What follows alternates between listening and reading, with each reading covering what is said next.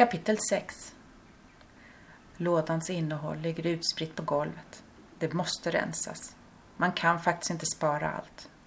Dubbla fotografier. Jag gör två högar. Den ena är sophög och den andra är minnen.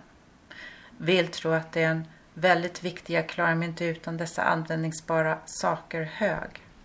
Men inget är egentligen användbart. Det är bara minnen. Läser på baksidan av ett vykort. Ler. Så fint. Lägger i den viktiga högen. Öppnar ett kuvert. Hittar tre likadana inbjudningskort. Hjärtat har ett stolthetsskutt. Ser min egen once upon a time. Blundar. Otroligt så överraskad och stolt jag var. Holländska keramikbiennalens inbjudningskort. Med största fotot. Min once upon a time på framsidan. När var det? 2010.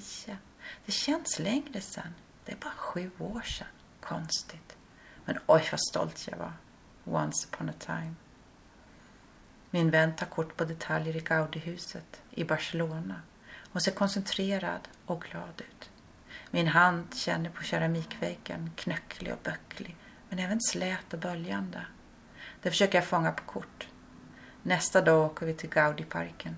Ljuset är otroligt. Det leker i gångarna och tittar fram i oväntade öppningar. Reflekterar i mosaiker. Trötta i benen sätter vi oss på en bänk. Det är mycket folk. De går fort förbi. Busslaster fulla. De rusar förbi. We will meet again at this point over 30 minutes. Okay, did everybody hear me? Yes, yes, yes. Otherwise we'll not have time for Barcelona Beach and... Fötterna skyndar iväg. Sakta sätter jag mig ner på marken. Överallt fötter som rusar. Fötter i sandaler, fötter i gymnastikskor, i pumps och lackskor. Allvarliga fötter, glada fötter, stora fötter och små fram och tillbaka. Spring, spring, spring. Med kameran framför ansiktet tar den ena bilden efter den andra. Längtar efter att se fötter som står stilla och njuter av att se på något längre än två sekunder. Det händer inte. Jo förresten, där. Sandalerna. De står länge, riktade mot mig. Jag tittar upp och ser min vän ta kort på mig. Han kan inte låta bli att skratta. Vilken tur att hon har sån tålamod med mig. Följer ett par rejäla kängor med blicken. Varför är det så? Alla dessa människor som stressar runt för att hinna allt och inte kan stå stilla så länge att de faktiskt kan se vad de tittar på. De flesta har flygit hit för att uppleva Barcelona. Tänker på fötterna, fotavtryck, flyg. Stackars jord. På något sätt känns det som vi inte tar jorden seriöst. Den slits av vårt beteende. Då borde vi åtminstone njuta av platserna vi ser. Ge dem tid.